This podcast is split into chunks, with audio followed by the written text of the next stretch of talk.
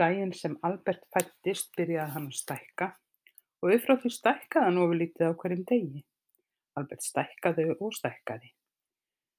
Pabbi Alberts var mjög hrifinn af Albert. Næstum daglega brá hann á hann málbandi og í hvert skipti sem hann hafði mælt hann rak hann höfuð út um gluggann og rópaði Húrra! Nú hefur Albert aftur stækkað. Og í hvert skipti ráku íbúarnir í Kallabæ nefið út um glugga og gættir til að forvitnast um hver rópaði svona. En þegar þeir heyrðu að það var pabbi Alberts sem var að rópa eitthvað um Albert, þá litu þeir bara hver á annan, hristu höfuðið og sögðu Ó, eins og það sé eitthvað til að gorta af. "Öh, Já, sagði gamla frú Stephensen, í þau 97 ár sem ég hef búið þessum blessuðum bæ hefur ekki fæðst hér svo drengur að hann hafi orðið stærri og ósvífnari með aldrinum. Svo kipptu bæði hún og aðrir nefinu inn um gættina og skelltu aftur hurðum með ógurlegum látum. Til allrar hamingju gat pabbi Alberts bara mælt hann fyrst eftir að hann fæddist. Þegar Albert var orðinn öggstærri og óþægari þá réð pabbi hans ekki lengur við hann og það kom sér betur. Því ef pabbi Alberts hefði haldið áfram að hrópa hversu Albert stækkaði mikið, hefði fólkið í Kallabæ ábyggilega orðið öskureitt við hann. En Albert vissi ekkert um þetta. Hann stækkaði bara og stækkaði og á meðan hann stækkaði lærði hann fjölda margt. Í fyrstu var hann svo smár að hann rúmaðist næstu því í frakkavasa pappa síns og þá svaf hann bara og, og orgaði og sög hann að mömmu sína. En ekki leðu löngu þar til hann gatt hrægt út úr sér karteflustöppunni yfir endi langt mataborðið. Og það leið heldur ekki á löngu þar til hann lærði að borða dagblöð.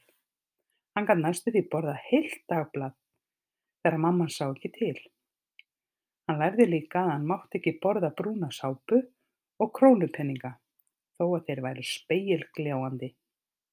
Þegar hann var dálítið stærri, lærði hann að sitja á koppnum án þess að velta um koll og segja gef, gef, gói. Og þegar hann var enn stærri, lærði hann að í nefið og öskra óskaplega hátt. Dag nokkur tók svo Albert tennur og þann dag skreið hann undir borð og beit mögnu frænku sína í fótlegginn. Magna frænka var stór og feit og ákaflega málglöð. Hún var alltaf vön að klappa Albert á kollinn og segja að hann væri indæll drengur og seinna ætti hann áraðanlega eftir að verða bæjarstjóri. En þennan dag steinglemdi hún að klappa Albert á kollinn og segja honum að hann ætti eftir að verða bæjarstjóri. Aftur á móti misti hún kaffibollan, stökk upp á stól, svo að brakaði og brast í honum og þar rópaði hann reyðilega að einhvern tíman yrði Albert bannsettur óþekktarormur og það reyndist sannarlega rétt hjá mögnu frængu. En Albert var alveg sama. Hann hélt bara áfram að stækka og lærði sitt að hverju og eitt góðan viðdag var, orðin, var hann orðin svo stór að hann gæti gengið á stultum og klifirrat í trjám. Hann var sérstaklega góður að klifra í perutrjám því Albert þótti perur óskaplega góðar og löngu áður en hann komst á skólaaldur lærði hann að flauta með fingrunum og ganga með hendurnar á kafi í buxnavösunum. Hann lærði að hjóla og sleppa stýrinu og hann lærði að hlaupa hratt. Næstum eins hratt og hestur að að honum fannst sjálfum. Mamma Alberts vonaði að þegar Albert stækkaði yrði hann prúður og laglegu drengur með blá skínandi augu og hárið vandlega greitt. En Albert var nú aldrei þannig. Í stað þess að vera prúður og laglegur varð hann bæði ljótur og óþægur. Hárið stóð út í loftið eins og strákústi og ekki sást í augum fyrir óhreinum, kringlóttum glerugum sem mamma hans var oft búin að hefta saman með plástri því Albert braut þau hvert skipti sem hann datt ofan perutri. En Albert var hjertanlega sama hvernig hann leit út. Hann hafði svo mikið að gera að hann mátti ekki vera að því að hugsa um hárið og augun. Þegar Albert var orðinn sjö ára fór, mamman, fór hann í skóla til Sakkaríasar kennara.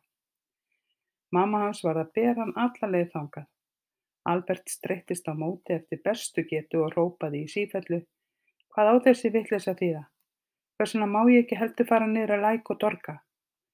Þegiðu, sagði mamma hans og dró hann eftir veginum, svo ríki rauk í allar áttir. Láttu ekki fólk halda þú sért óþægur. Og úr því að hún var sterkari, lauk leiknum þannig að Albert byrjaði skóla, þrátt fyrir óguleg mótmæli. Hann varð að læra að reikna og stafa og skrifa stafi í stílabók. Oj, sagði Albert og horfði út um gluggann. Ég vil miklu heldur vera sjóræningi með tréfót sem ég get skrúfað á mig. Já, ég veit það, sagði Sakkarías kennari.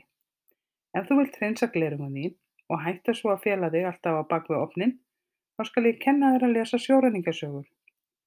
Vá, hrópaði Albert. Er þú hægt að læra það í skólanum? Auðvitað, sagði Sakkarías kennari. Ef þú bara gerir svolítið af því sem ég bið þig um.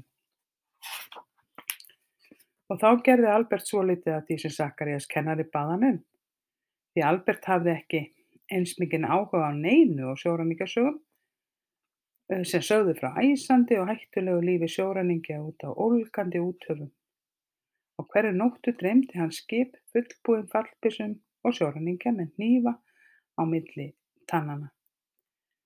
Þeir sátu allir upp í siglutrjánum og æftu óhóhó allir fyrir borð. En fyrst um sinn var Albert að vera þar sem hann var. Hann varð að vera í Kallabæ þar til hann var orðið nógu gamall til að bera sjóræningasvefn. Og Albert var ekkert fjær skapinn að sóa tímanum í að lesa skólabækurnar, fara út í búð og vaska upp fyrir mömmu sína á meðan hann beið eftir tækifæri til að strjúka að heimann. Nei, hann hafði sannarlega mikilvægari erindum að sinna og nú er vist tími til komin og við fáum að heyra ögnum það sem hann gerði á meðan hann beið.